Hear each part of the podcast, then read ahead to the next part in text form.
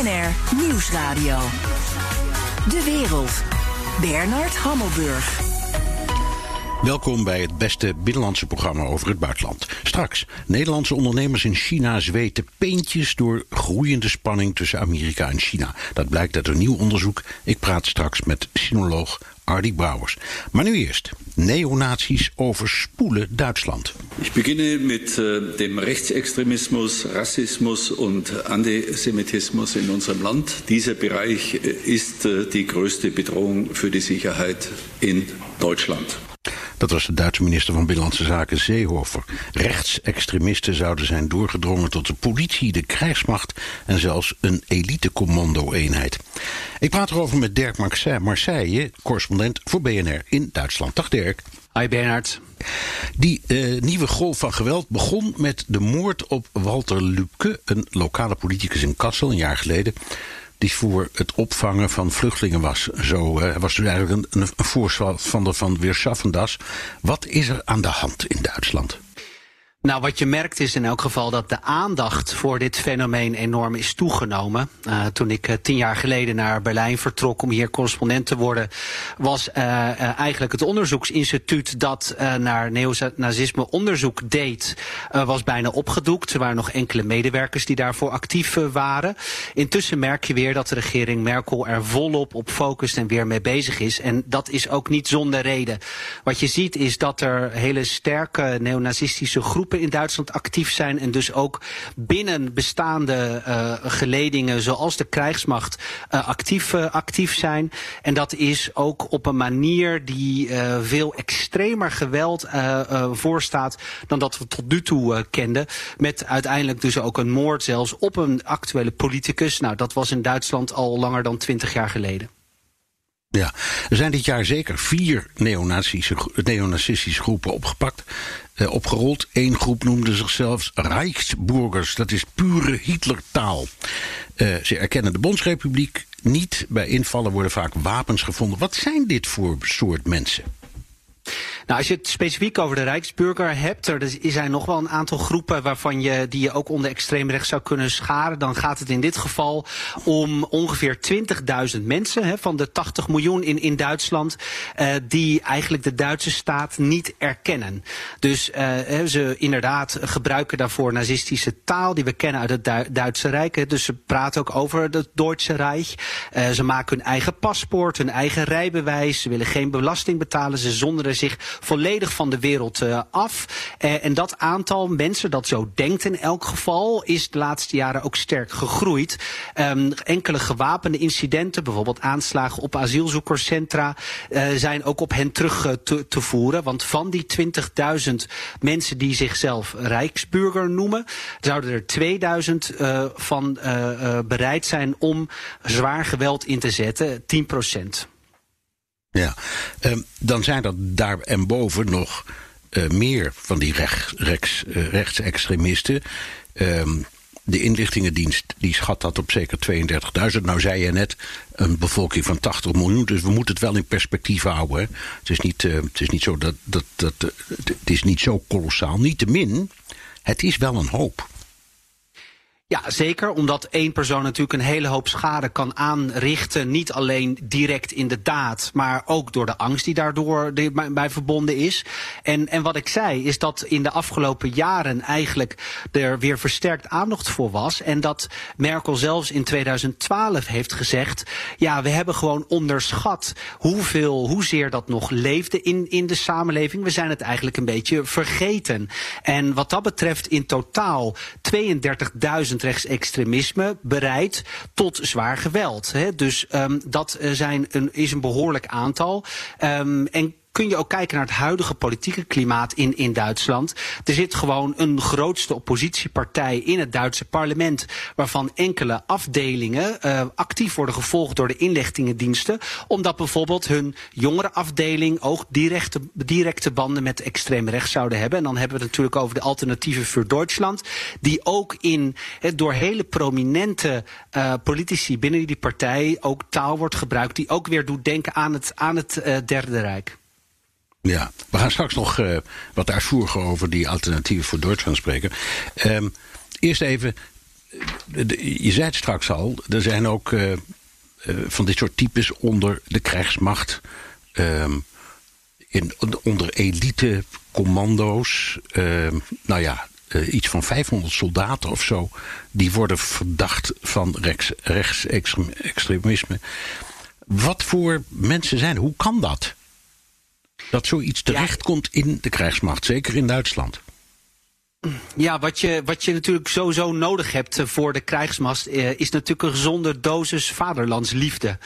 dus je moet bereid zijn om voor je vaderland eh, actief te zijn. En dat trekt natuurlijk ook types aan die heel sportief zijn, om het maar even eufemistisch te zeggen, maar die ook gewoon gewend zijn om met wapens om te gaan, die dat ook graag willen, die ook die, die beschermende rol willen, op zich willen, willen nemen. Nou, wat de theorie nu is op dit moment, is dat dat wordt heel erg dat groepsgevoel, die eenheid, dat, dat uh, beschermen van Duitsland wordt heel erg natuurlijk als positief gezien. Maar men is eigenlijk in de afgelopen jaren erachter gekomen dat er te weinig dan vervolgens wordt gecheckt van oké, maar welke politieke denkbeelden hebben deze mensen dan? Voelen zich bijvoorbeeld aangetrokken tot extreemrechtse partijen. De NPD, dat is eigenlijk ter rechterzijde van de AFD, de partij uh, die nooit die Duitse kiesdrempel van 5% heeft gehaald. De AFD is eigenlijk de eerste partij met ex extreme rechtse elementen die er nu is in geslaagd om in de Duitse politiek zowel landelijk als regionaal ook een prominente rol te vertolken. Die NPD, als je daar bijvoorbeeld zei dat je daar lid van was, dan mocht je uh, ook niet in die krijgsmacht en dan werd er ook een onderzoek naar je, naar je gedaan. Maar nu, als je zegt van ik ben mogelijk sympathisant van de alternatieven voor Duitsland, is dat niet een, een, een reden om uit de krijgsmacht uh, gezet te worden. Nee. Omdat dus die gradaties, eigenlijk de, de link tussen gewoon het politieke establishment en vervolgens naar die duizenden, enkele duizenden mensen die echt bereid zijn om aanslagen te plegen, om daar ook in WhatsApp groepen, zoals in dit geval, concrete plannen aan te koppelen van hoe zouden dat dan moeten doen, scenario's uit te werken, wat gebeurt er als er een prominente politicus in Duitsland de minister bijvoorbeeld wordt doodgeschoten. Hoe gaan wij er dan voor zorgen hè, dat wij onze doelstellingen kunnen bereiken? Ja, dat is iets waar, waar Duitsland nu op dit moment in de afgelopen maanden eigenlijk van de ene verbazing in de andere verbazing valt. Wat er ook toe heeft geleid uiteindelijk dat enkele elite-eenheden, dus de mensen die normaal gesproken uh, uh, je uit uh, helikopters ziet komen om met machinegeweren hè, bij ontvoeringen en echt in de zwaarst mogelijke gevallen mensen te beschermen en te bevrijden, dat dat soort eenheden geleden nu al op non-actief zijn gesteld. Omdat er ja. blijkbaar echt sprake is van extreemrechtse uh, symp sympathieën. Ja, ja, het beeld wat je zo vertelt. Hè, dit heeft natuurlijk een enorm historisch perspectief. Daarom praten we er ook over. In Duitsland is dit niet zomaar iets, maar net iets meer. En wat ik nou denk als ik jou zo beluister.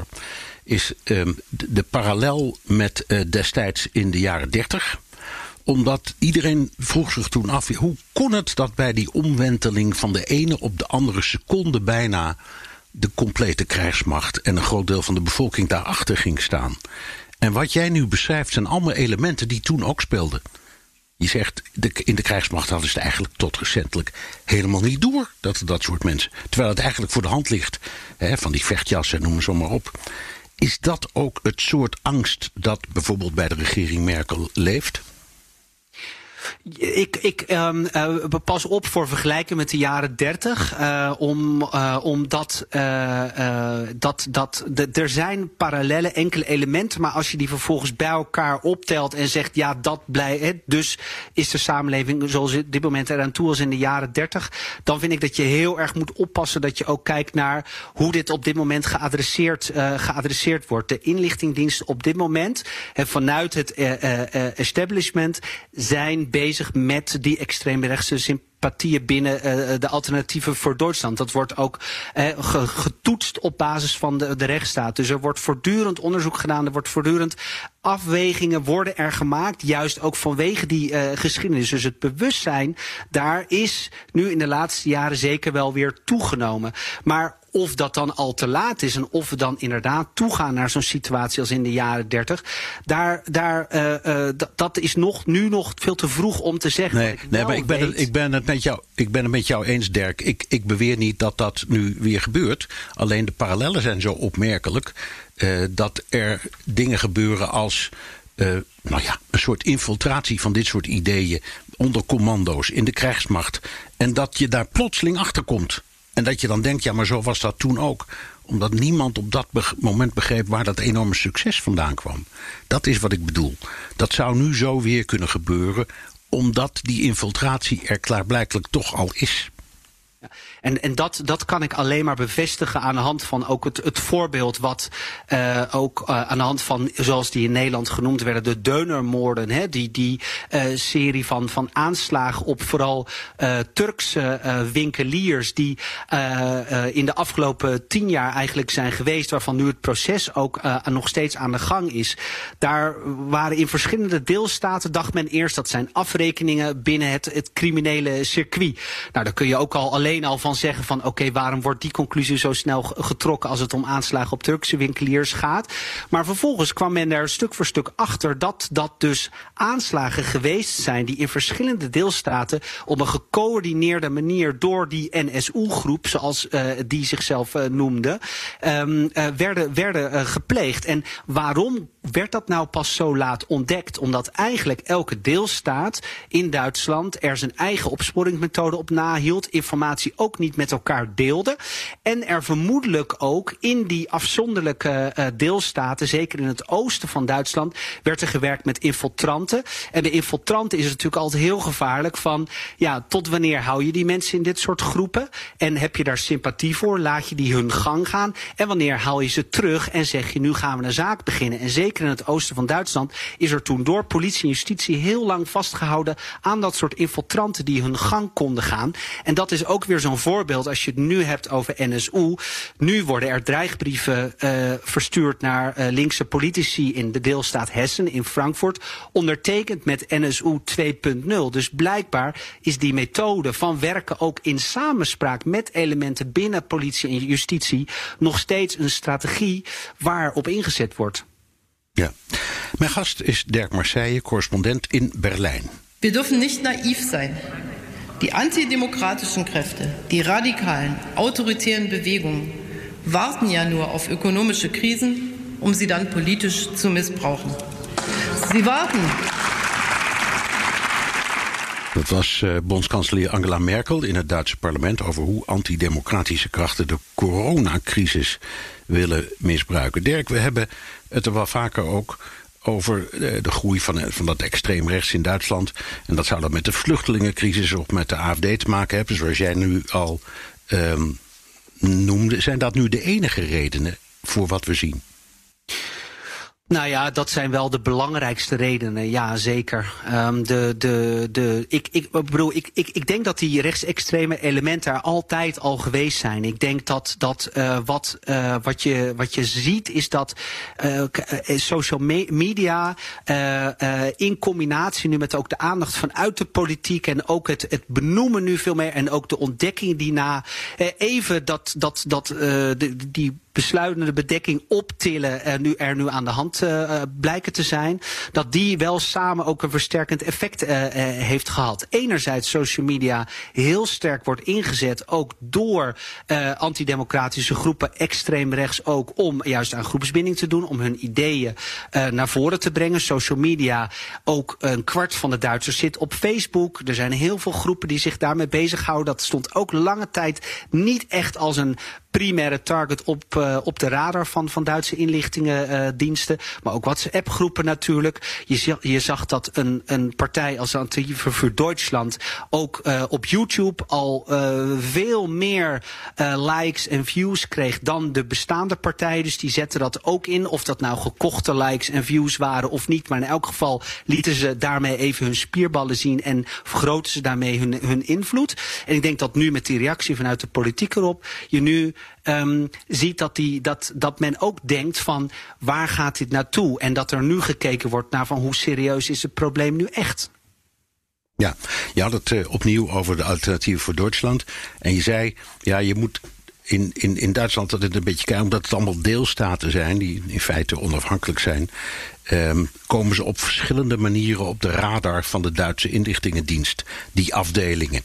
Um, is het nou bewezen dat deze partij, die AFD, relaties heeft met neonazies? Um, ja, dat is bewezen um, als het gaat om de jeugdafdeling van de AFD in het oosten van Duitsland. Um, dus daar wordt nu ook onderzoek naar gedaan of die verboden kan, uh, kan worden. Maar daar wordt nog steeds van gezegd van dit gaat om een enkele afdeling uh, binnen die partij officieel dan. Dat is het verhaal wat tot nu toe hard gemaakt kan worden. Maar vanuit mijn eigen waarneming kan ik ook wel zeggen dat als je met de top van de AFD afspreekt en je hebt daar ontmoetingen bij mee, voor de buitenlandse pers is de AFD altijd veel opener, hè, omdat ze voor uh, de, de, sommige Duitse pers wil genees met, met Alternatief voor Duitsland spreken. Uh, worden ook geen interviews meer gegund. Dat gaan we het komend jaar richting de verkiezingen ook zien dat de AFD door een deel van de Duitse media ook uitgesloten wordt, buitengesloten wordt. Nou, dat is weer een verhaal op zich, maar dat speelt misschien ja. ook wel een rol in juist. Dat, dat, vind ik, dat vind ik voor journalisten ook wel een aparte beslissing hoor. Dat je zegt, je kunt zeggen, ik, ik, ik walg ervan of ik vind het zelf vreselijk. Hè, uh, als, als journalist. Maar om te zeggen, ik, uh, ik, ik ga ze ja, boycotten of een soort van. van uh, ik, ik wil niet meer met ze praten, vind ik wel wat. Maar jij, kan, jij kunt dat dus wel als buitenlander. Zeker. Um, en dan zie je ook die mensen die daar omheen zitten, om die kopstukken heen, die meegaan naar de persconferenties, naar de interviewafspraken, ook op de partijdagen zelf. Ja, dan zie je wel eh, dat daar mensen op afkomen die uh, je er in elk geval van de buitenkant niet al te fris uitzien. En dat als je daar wat in gaat graven, ook bestuursleden van de AFD, uh, uh, bijvoorbeeld in het noordoosten van, van, van Duitsland, daar zitten gewoon partijprominenten die in het verleden onom onomstotelijk uitspraken hebben gedaan die sympathieën voor nazistische tijd en extreem rechts uh, voorstaan. Een Björn Hukke, uh, een hele prominente politicus, zit echt in de top 5 van de alternatieve voor Duitsland uit het oosten van Duitsland. Het doet ook uitspraken die het, het uh, Holocaustmonument in Berlijn relativeren. Dus um, officieel is Duitsland nog niet zover dat men zegt van oké, okay, alternatieven voor Duitsland is extreem rechts. Maar ik denk wel dat we in het komend jaar daar ook steeds meer opnieuw weer discussies over gaan zien. Uh, of er uh, toch niet een heimelijke agenda op de achtergrond meespeelt. Ja, je noemde uh, nu al een paar keer Oost-Duitsland en nu ook Noordoost-Duitsland. Kun je zeggen, dat hebben we vaak gehoord, het probleem is in het voormalige Oost-Duitsland, moet je eigenlijk zeggen, erger dan in West-Duitsland? Of is dat niet zo? Nee, Nee, dat is alleen, het is gewoon een ander type met een andere achtergrond, extreem rechts. Hè. Als je dan op definities moet ingaan, dan moet je daar echt een duidelijk onderscheid uh, maken. Maar de Alternatieve voor Duitsland bijvoorbeeld uh, heeft ook zijn leden overal door uh, Duitsland. En je ziet ook overal, ook in West-Duitsland, dat daar ook uitspraken gedaan worden door individuele leden. Waardoor je ook kan denken van oké, zou die Alternatieve voor Duitsland misschien toch niet een extreemrechtse agenda kunnen, kunnen hebben. Um, dus die verschillen zijn er wel degelijk. En je kunt ook niet zeggen dat er nou zo heel erg wordt samengewerkt of naar een gemeenschappelijk doel onderling wordt, uh, wordt uh, toegewerkt. Omdat uh, ja, men vaak, zeker tussen West- en Oost-Duitsland, wordt in Nederland best nog wel onderschat. Gewoon nog hele grote verschillen in mentaliteit zitten. Ja, ook vaak een ander dialect. Men, men vindt elkaar ook helemaal niet zo, niet, niet zo aardig en sympathiek op het, op het eerste gezicht. En, en, en, en, en economisch is het nog steeds, loopt, het, loopt het nog steeds een stukje achter op het Westen. Absoluut. Dus, dus de economische ja. achter, de achterstand in het oosten is dan vaak weer een belangrijke drijver voor extreemrechts in het oosten. Terwijl het in het West-Duitsland veel ideologischer uh, uh, gevoed is. Um, zeker ook als je kijkt uh, naar, naar de afzonderlijke deelstaten, voelt men zich toch nog heel veel meer een, een Beier, dus een Zuid-Duitser, of iemand uit Baden-Württemberg, dan in eerste instantie een Duitser. En daarbij zijn nationalistische gevoelens, bijvoorbeeld vanuit ideologisch oogpunt in West-Duitsland, spelen daarin weer een veel grotere, veel grotere rol. Ja, was vorig jaar een aanslag in Halle op een synagoge. Daarbij kwamen twee mensen om het leven. Verdachten staan deze week voor de rechter. Hoe komen die aanslagplegers eigenlijk aan hun wapens? Ja, dat, dat, dat um, uh, is, uh, er zijn vaak berichtjes die je uh, leest dan uh, als, als kleine berichtjes op een pagina 3 in, in krantentaal te spreken. Dus een partij wapens vermist. Nou ja, dat is dan uh, aan zich niet iets om dan heel groot en breed over te berichten. Maar het is gewoon een feit dat er regelmatig ook uit depots van het leger uh, wapens, wapens verdwijnen. Die vervolgens echt van de radar zijn. Um, ook natuurlijk in het voormalige Oostblok en in, in, in Rusland is dat precies hetzelfde zo. Er zijn gewoon ook binnen Duitsland circuits waarbinnen wapens te halen zijn als je daarmee bezighoudt. En er is nog pour cultuur, uh, uh, um, ook in Duitsland, van, van de schietverenigingen. En zeker in de landelijke gebieden. Um, ook, ook direct buiten Berlijn. Overigens, als je een uurtje rijdt, dan kom je in, in, in dorpen terecht uh, waar de, de Schützenverein toch een prominente plaats heeft. Vaak naast ook, ook de, de vrijwillige brandweergebouw. waarin er is verder niets te doen. Toch ook de mannen samenkomen met de vrouwen, barbecuen, mooi weer, veel sociale activiteiten organiseren. En dan toch even uit um, de wapenkast uh, de, het, het geweer pakken om uh, lekker te gaan schieten op de schietbaan en misschien ook wel in het, bos daarnaast. En daarmee zijn wapens in wat dat betreft in Duitsland ook vanwege de enorme ruimte die je natuurlijk hebt in vergelijking met Nederland veel minder een thema en daarmee dus ook makkelijker um, daarover te beschikken. Twee dagen geleden was die, die rechtszaak tegen deze aanslagpleger. Um, en je zag daarbij ook dat ook als het gaat om een nieuwe dimensie van extreemrechts in Duitsland. Dat hij ook heel onbekommerd eigenlijk vertelde over... ja, ik heb dit bewust gedaan. Ik ben er trots op. Ik ga er ook niet vanuit de weg. Ik heb dit gewoon goed geregeld. Dit was een succesvolle aanslag. En zulke taal en zo'n zelfverzekerdheid... Dat ja, want, want, want, want, zei die, want, want, zei hij... de Joden zijn de hoofdoorzaak van alle problemen. En uh, dat kan hij dan heel trots zeggen. Maar dan denk je, zou, uh, choqueert dat nu de Duitser? Ja, uh, dat, dat zijn natuurlijk telkens weer absolute shocks. En dat, dat, uh, dat, dat uh, is wel op, op een manier dat je dus merkt dat één keer is daarvoor helaas niet genoeg. Maar je merkt wel dat de beweging, die trend in Duitsland er nu wel naar is van zien we dingen over het hoofd. En je had het net even over dat weigeren van die AFD-interviews door Duitse pers.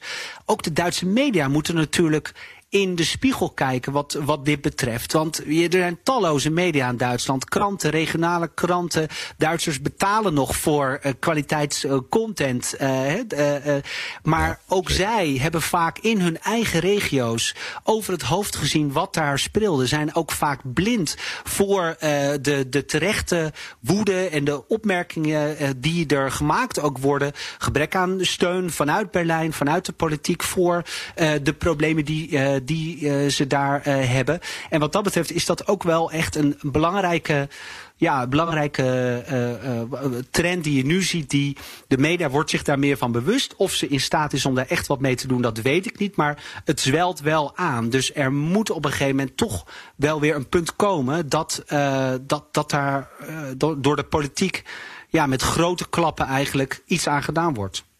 Dankjewel. Dirk Marseille, BNR-correspondent in Duitsland.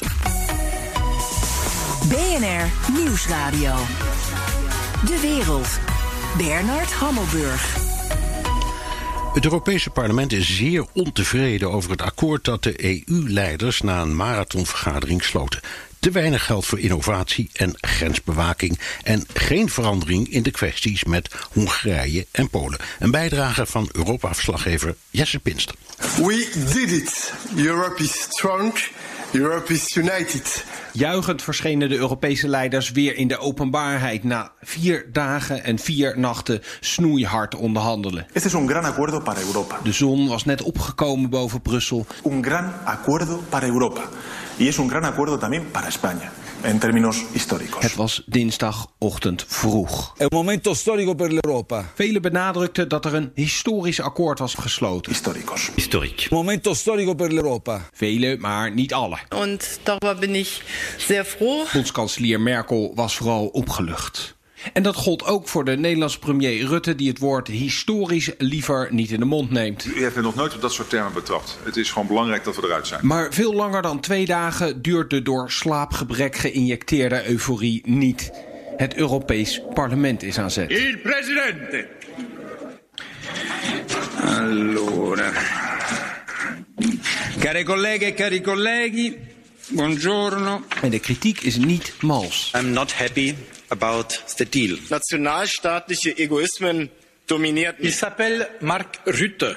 Libéral, néerlandais. Au respect de Für die Zustimmung de zum. Wiederaufbaupaket haben Sie, Herr Michel, den EU-Haushalt geopfert. compañeras, cuando la política We are for the moment not ready to swallow the bitter pill you, you referred to. Zelfs de Europese Commissie, bij monden van Ursula von der Leyen, is het met de volksvertegenwoordigers eens. The European Council's agreement provided the light at the end of the tunnel. But with light also comes shadow. There are regrettable and painful decisions on many programs. Om tot een akkoord te komen tijdens de top is flink gesneden Cuts, cuts, cuts. in juist die projecten die het Europees Parlement belangrijk vindt. Korten op onderzoek en innovatie. Juist dat wat wij nodig hebben om uit die economische crisis te kruipen. Maar ook migratie en grensbewaking. En dat is een mooi voorbeeld, president Michel, hoe uw raad permanent in cirkeltjes ronddraait. Bij de vorige migratiecrisis riepen de landen, dit moeten we vooral Europees oplossen. En toen de commissie en het parlement zeiden, dan gaan we samen de grenzen bewaken, werd er gezegd, oké, wij stellen daar een budget voor ter beschikking. Juist dat budget is nu gekort. En ik weet zeker, president Michel, bij de volgende migratiecrisis gaan uw leden weer roepen, dit moeten we vooral Europees aanpakken. En als het parlement niet zijn goedkeuring geeft, is alle moeite voor niets There geweest. needs to be co-decision by the parliament. Maar dit is ook het parlement dat vaak grote woorden gebruikt, We are in Europe. eh? We are not in China or in Russia. maar dan niet doorbijt. Um, yes, the agreement is historical. Of course, we acknowledge that. Want zonder een Europese begroting blijft er weinig over van de Europese Unie. En dan is het parlement straks nog minder dan een tandenloze papieren tijger. But as a doctor, I must say I'm disappointed because of the cuts in the health program. We're in the middle of the crisis. We are at the beginning of the second wave. We all see the figures rising again in Europe. Het parlement gaat nu eerst op vakantie. The holidays are coming. En daarna zal blijken of de grote bezwaren zijn gesmolten in de zomerzon. Dramatical cuts in the health budget directly in corona times. Unbelievable. Of dat er een echt gevecht gaat plaatsvinden. I will be very blunt here in this uh, house. And I think that I'm speaking for the whole house. I don't see that this house will give his green light for this package and for the MFF if this is not rectified. Of het regeringsleiders en staatshoofden zijn die de dienst uitmaken. Of dat het Europees Parlement zijn wil kan opleggen aan de lidstaten. Dat was een bijdrage van Europa-verslaggever Jesse Pinster. Wil je meer over horen over het spel in Brussel? Luister dan naar de BNR-podcast Europa Mania. BNR Nieuwsradio. De wereld. Nederlandse bedrijven zijn in China de dupe van oplopende spanningen tussen Amerika en China. Er is uh, wetgeving aangenomen in 2020. Die wetgeving zegt heel duidelijk: gedwongen technologieoverdracht is verboden. Die zegt heel duidelijk: intellectuele eigendom behoort beschermd te worden. Dat is overigens ook een Chinees belang. Dat was Nout Welling, oud-president van de Nederlandse Bank. Hij zegt dat een nieuwe wet buitenlandse bedrijven gelijkstelt aan Chinese. Maar uit een nieuw onderzoek voor het Leiden Asia Center blijkt dat het handelsklimaat voor Nederlandse bedrijven in China steeds moeilijker wordt. Ik praat erover met Ardy Bouwers, een van de onderzoekers, sinoloog en oprichter van China Circle. Voor dit onderzoek heeft u met 20 managers en CEO's van grote en kleine Nederlandse bedrijven in China gesproken. Wat zijn de problemen die die bedrijven ondervinden? Nou, wat je merkt is dat de, de internationale omgeving behoorlijk uh, veel invloed heeft. Dus geopolitiek, de strijd tussen China en, uh, en de VS, die niet meer zomaar een uh, handelsoorlog is, maar inmiddels ook echt een grote technologische oorlog en een oorlog om wie de eerste en de grootste en de beste is. Ja, en, en een diplomatieke oorlog met het sluiten van consulaten, dat is allemaal niet niks natuurlijk. Nee, precies. Dat dus wat straalt je ziet af is, op iedereen. Ja, dus je, nou, je merkt dat, dat de omgeving ook voor Europese en Nederlandse bedrijven behoorlijk vertroebeld, ingewikkelder maakt. Dus het is een heel erg gepolitiseerde omgeving. En waar Nederlandse bedrijven over het algemeen uh, zoiets hadden van laat ons nou maar gewoon zaken doen. En laat de politiek maar over aan anderen. Uh, merken we uh, uit die gesprekken dat dat eigenlijk niet meer mogelijk is als het gaat om zaken doen met China. En, en waarom? Wat is er niet mogelijk dan? Nou, er zijn een paar dingen die, die de afgelopen tijd, en dat, dat hebben jullie natuurlijk ook veel in de uitzending gehad van de, opeens wordt er naar China gekeken door de lens van veiligheid. Uh, de, hele discussie rondom Huawei uh, heeft daarmee te maken. De discussie rondom export, exportvergunningen voor ASML heeft daarmee te maken. Um, dus moeten we ons niet wat meer beschermen, is, is een van de dingen die erbij zitten. Um, allerlei zwarte lijsten van de VS. Dus door die handelsoorlog kan het zijn dat je onderdelen voor jouw machines die uit China komen, mogen niet meer uh, naar de VS worden, worden uitgevoerd. En een ander punt is dat um, opeens de supply chains, de, de lijnen van uh, onderdelen van producten heel erg tegen het licht worden gehouden.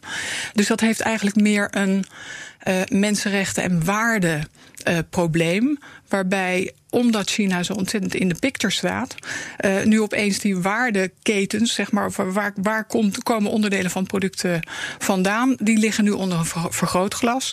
En dat heeft bijvoorbeeld met de situatie in Xinjiang te maken. Ja, dat begrijp ik. Maar het klinkt alsof we een heel lang, althans Nederlandse bedrijven misschien heel lang hebben gezegd: Nou, er is niet veel. Wij kunnen gewoon daar lekker werken en geld verdienen en hou er maar op. En op een bepaald moment kreeg je dan die hele discussie tussen Amerika en China. En in de slip, slipstream daarvan kwamen al die dingen over: wacht even, misschien is het heel onveilig om zaken te doen met China. En dat brengt dan die bedrijven in de moeilijkheden. Het klinkt zo naïef, alsof ze dat allemaal niet wisten. Ja, wat ons opvalt, en dat is ook met dit onderzoek, dat, is dat eh, veel mensen die al lang actief zijn in China, die weten dat heel goed. Dus insiders die kennen de risico's, maar zijn geneigd om niet te praten. Of, en wat, dat merken we in ons onderzoek, we hebben gezegd, we, we uh, garanderen iedereen met wie we spreken uh, anonimiteit, als ze daar behoefte aan hebben. En dat, dat heeft tot gevolg dat mensen verhalen nu wel vertellen die ze anders niet zouden vertellen. Dus met naam en toenaam, vooral heel veel bedrijven willen niet genoemd worden. Um, uh, dus met naam en toenaam krijg je allerlei informatie krijg je niet toegespeeld. Uh, maar door uh, anonimiteit te garanderen, ja. zijn mensen, zijn nou, CEO's dat, dat, bereid om meer te vertellen. Dat snap ik. Dat is, dat is voor wetenschappers natuurlijk een hele moeilijke. Maar in de journalistiek gebeurt dat met enige regelmaat. Dat je bronnen moet gebruiken die je niet kunt noemen omdat ze anders ja, bang worden.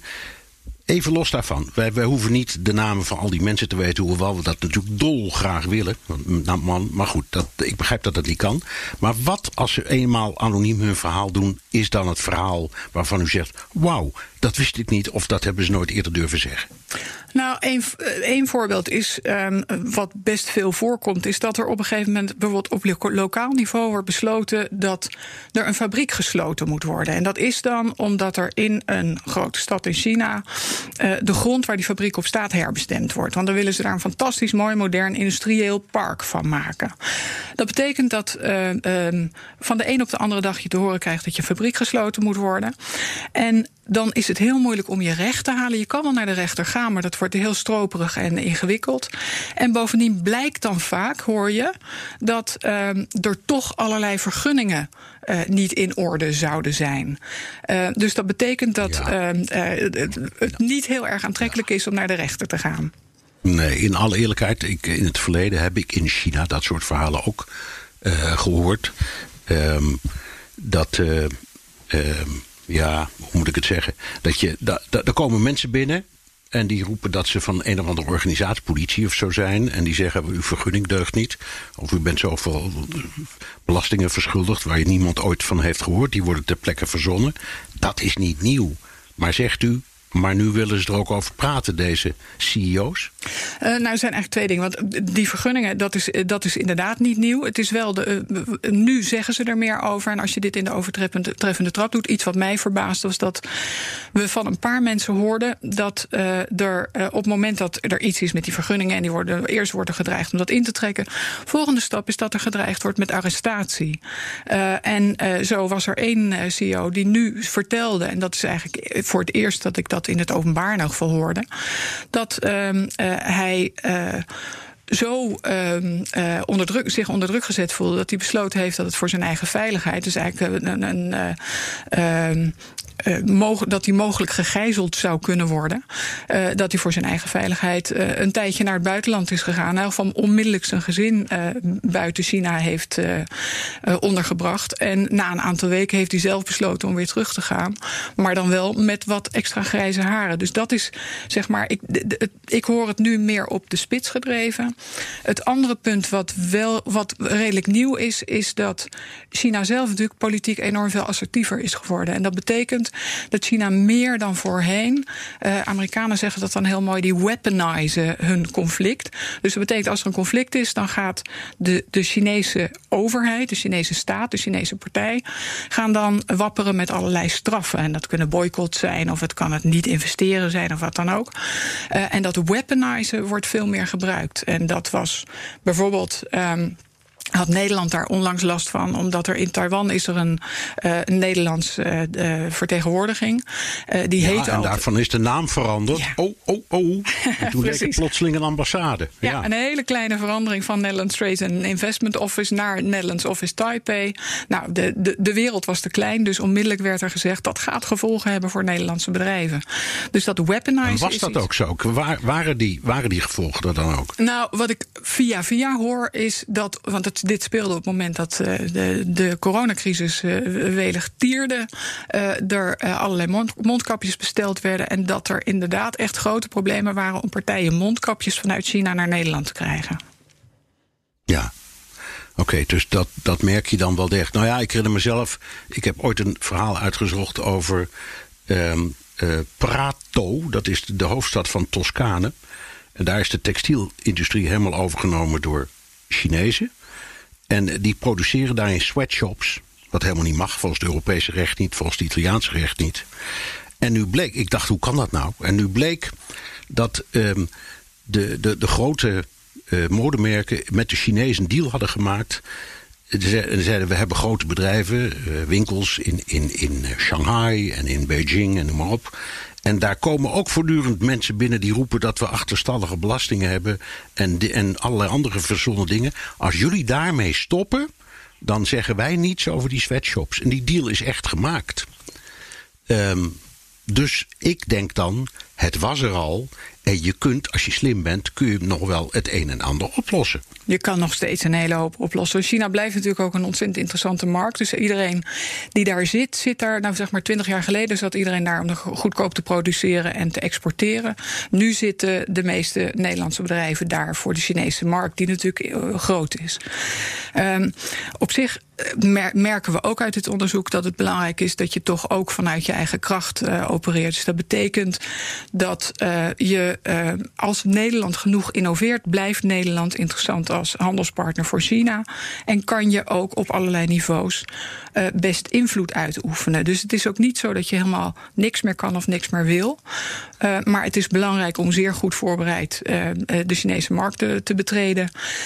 het is ook belangrijk inmiddels door die internationale omgeving om zelf na te denken wat jouw waarden zijn. Wat, van, van waaruit werk je als bedrijf? En wat is het moment dat je mogelijk te veel water in de wijn moet doen? Nou ja, maar, dat, maar goed, maar laten we nou even teruggaan naar het begin van het gesprek. Jarenlang hebben die Nederlandse bedrijven daar eigenlijk lekker gedraaid. En aan kwesties en mens, zoals mensenrechten en zo, ja, daar deed de politiek wel wat aan, maar daar deden die bedrijven zelf niet zoveel aan. En nu moeten ze dus plotseling komen met waarden. Dat gaat over dit soort dingen. Dat, ga, dat gaat absoluut over dit soort dingen. En dat, heeft, dat is ook de, de, deze tijdsgeest. Dus dat heeft met dat grote conflict tussen China en de VS te maken. En wie de grootste van de wereld is. De EU heeft uh, een jaar geleden ook gezegd. We zien China nu uh, wel degelijk als een handelspartner. Maar vooral ook als systeemrivaal. Dus dat betekent dat de manier waarop er naar China gekeken wordt anders is. Die is veranderd. En je ziet ook uh, in de loop van de afgelopen jaren was er continu de, de eis van een gelijk speelveld. Nu uh, merk je dat de Chinese belofte, dat er een soort beloftemoeheid optreedt. Uh, en dat er hardere eisen worden gesteld. Dus de eis voor reciprociteit, voor wederkerigheid is wat steviger. Er worden wat meer regels opgesteld voor export en wanneer dat wel en wanneer dat niet mogelijk is. Dus je merkt dat het dat je eigenlijk dat de, dat de situatie voor, voor het Nederlands bedrijfsleven eigenlijk een behoorlijk, behoorlijk veel complexer is geworden. Ja, begrijp ik. Aan de andere kant, je kunt zeggen dat, eh, laten we het simpel houden, sinds, Deng Xiaoping of zo, hè, dus misschien uh, de laatste 40 jaar of zo, uh, is er in China niet zo verschrikkelijk veel veranderd. Uh, wat handelspolitiek en aanpak betreft. En wij in de ogen van de Chinezen verzetten nu plotseling tijdens de wedstrijd um, de, de doelpalen. Ja, daar ben ik het niet helemaal mee eens. Ik, ik kom in China sinds het begin tachtiger jaren en ik heb behoorlijk veel zien veranderen. Ook ten goede trouwens. Dus je ziet dat de Chinezen wel degelijk bezig zijn om allerlei wetten en regelgeving aan te nemen en om het iets voorspelbaarder te maken. Dat betekent niet uh, dat er niet allerlei streken geleverd kunnen worden, maar dat betekent wel dat je in, zo, in een aantal situaties wat beter weet waar je aan, uh, aan toe bent. Als ik kijk naar de afgelopen vijf, zes jaar onder Xi Jinping. Um, is er. Deng Xiaoping was heel erg de, de man van het pragmatisme. Uh, en dat die, straalde die, die, die overal was de man in door. Van, de, ja, van geen glasnost, maar wel perestroika. Ja, precies. Nou, en dat Zoiets, straalde? Dus, overal uh, in door. En nu zie je. maar geen vrijheid. En nu zie je met Xi Jinping dat ideologie opeens echt belangrijk is. En dat betekent dus ook dat die ambitie van China, die duidelijk in alles wat Xi Jinping zegt, naar voren komt. Daar heb, hebben wij veel meer mee te maken. En daar moet in elk van bedrijfsleven moet ook veel meer leren om net als Chinezen in, op de lange termijn te plannen. Een van de voorbeelden van uh, de gesprekken die we hadden was van goh, uh, de maritieme sector is belangrijk voor Nederland. Zij, uh, de China wil daar een belangrijke rol in gaan spelen. Hun plan is een plan wat zich over decennia uit, uitstrekt. Daar gaan generaties, daar kan een generatie overheen gaan. Wij moeten bedenken wat wij willen. Als wij dat een belangrijke sector voor onszelf vinden, dan moeten wij ook op die termijn gaan denken. Ja, nou ja, het nieuws, het nieuws van uh, vandaag is dat uh, de, Rotterdamse haven nu plotseling denkt... we moeten een beetje uitkijken met uh, die Chinezen... terwijl volgens mij inmiddels een derde van de terminal in, in, in Rotterdam Chinees eigendom is. En nou plotseling worden ze wakker. En als ik u goed begrijp, dan is dat eigenlijk heel goed dat dat gebeurt, dat wakker worden. Ja, absoluut. Nee, daar zijn we, in al die gesprekken wordt dat ook duidelijk. De mensen die het meest effectief zijn, zijn de mensen die wakker zijn, die weten uh, hoe het spel gespeeld wordt. Uh, en ook die weten dat, dat ze op de lange termijn moeten kijken en vanuit kracht moeten opereren. En wat we in het rapport, uh, waar we uh, hebben een aantal aanbevelingen gedaan, ook voor, voor het bedrijfsleven. Dat noemen we een China checklist. Nou, daar zit in ieder geval in bereid je heel erg goed voor. Maar ook uh, juist omdat uh, uh, CEO's zich niet graag uitspreken in het openbaar, zorg nou dat je peer-to-peer -peer support op um, gaat regelen en opzet. Dus zorg dat mensen elkaar in, in discrete, vertrouwde omgevingen kunnen spreken en elkaar Ja. kunnen steunen. Dat begrijp ik. Maar, maar als u zegt, ja, er worden daar Nederlandse CEO's geïntimideerd en zelfs bedreigd. Uh, en die nemen, moeten zelfs de wijk nemen een tijdje omdat ze bang zijn. Mm. Dan kan ik me voorstellen dat alleen maar met je collega's overleggen het niet oplost. Dan heb je ook de steun nodig van bijvoorbeeld de Nederlandse regering Ja. in dit soort dingen. Ja, absoluut. En ook daar zie je voorzichtig. gebeurt dat ook? Daar zie je een beetje een verandering in. Dus je ziet nu um, dat uh, er wat meer regels komen over uh, export van um, uh, gevoelige technologie. Waardoor er de spelregels moeten duidelijker worden. Voor, zodat mensen uit het bedrijfsleven makkelijker hun keuzes kunnen maken. en dat gebeurt niet alleen in Nederland. Want in Nederland is de, de, wordt daarover gesproken. en worden er ook langzaamaan wat, wat regels aangenomen. Maar dat gebeurt ook in Europees verband. En dat is natuurlijk belangrijk, want als klein Nederland hebben we veel minder invloed. Dus uh, in Europees dat, er komt een nieuw investeringsverdrag aan waar al eindeloos over gediscussieerd wordt. Uh, en dat investeringsverdrag tussen de EU en China, als het er gaat komen in deze hele uh, ingewikkelde internationale tijd, um, moet ook veel duidelijker um, bakens neerzetten voor het bedrijfsleven. Oh, ik moet even heel simpel trouwen. Investering. Betekent dat nu, er wordt al jaren gesproken dat je tegenwoordig mag je in China een bedrijf uh, bezitten waar je een meerderheid hebt. Vroeger mocht dat niet. Moest altijd een Chinese meerderheid zijn in de aandelen. Dat is dan veranderd. Is dat concreet waar? En, kun je, en, en betekent dat ook echt dat je daarvoor het zeggen hebt? Of is dat een schijnvertoning? Het is waar, zolang als het waar is. En dat laat, is heel erg wat de situatie in China is. Dus er wordt heel veel wet en regelgeving aange, aangenomen. Dat geeft enige zekerheid, maar uiteindelijk staat, staan de Chinese autoriteiten en staat de Chinese partij boven de wet. Dus op het moment dat de autoriteiten besluiten dat iets werkelijk ongewenst is, ook al sta je volledig in je, in je recht, dan heb je een probleem. Um, en dat is het speelveld waar, je, waar iedereen aan moet wennen. Dat dat werkelijk zo aan de hand is. Dus dat uh, die, die juridische omgeving in China, um, die verbetert. Maar het feit dat de partij en de autoriteiten in Beijing boven de wet staan, en dat, dat is ook echt zo vastgelegd, betekent dat je uiteindelijk nooit je recht kan halen. En een van de nee, dingen maar die het nu. betekent, eh, Het betekent ook, als ik u goed begrijp, als- dat wanneer je daar zaken wil doen, je toch altijd een beetje er moet, op moet instellen dat je vogelvrij bent. Ja, ja en dat is iets. ehm een van de quotes die ik mooi vond van iemand was van het, eh, eh, als je een bedrijf in China lei- leidt, dan is het alsof je op een tapijt staat wat op ieder moment onder je voeten vandaan getrokken kan worden. Ehm, en dat verbeeldt dat gevoel heel erg goed. En als je nu kijkt naar Hongkong, wat natuurlijk altijd wat een soort toegangspoort tot China, waar wel de rule of law ehm, eh, heerste tot 1 juli, tot het aannemen van een nationale veiligheidswet onlangs.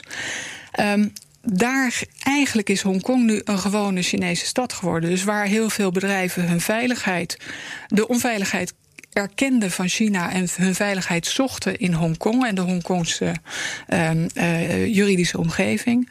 Daar is dat is, is daar, daar is sinds 1 eh, juli van dit jaar is daar ook een enorme verandering in eh, geweest. Dank. Hardy Brouwers, onderzoeker, sinoloog en oprichter van de China Circle. En tot zover BNR De Wereld. Terugluisteren kan via de site, app, Spotify of Apple Podcasts. Reageren kan via een mailtje naar dewereld.bnr.nl. Tot volgende week.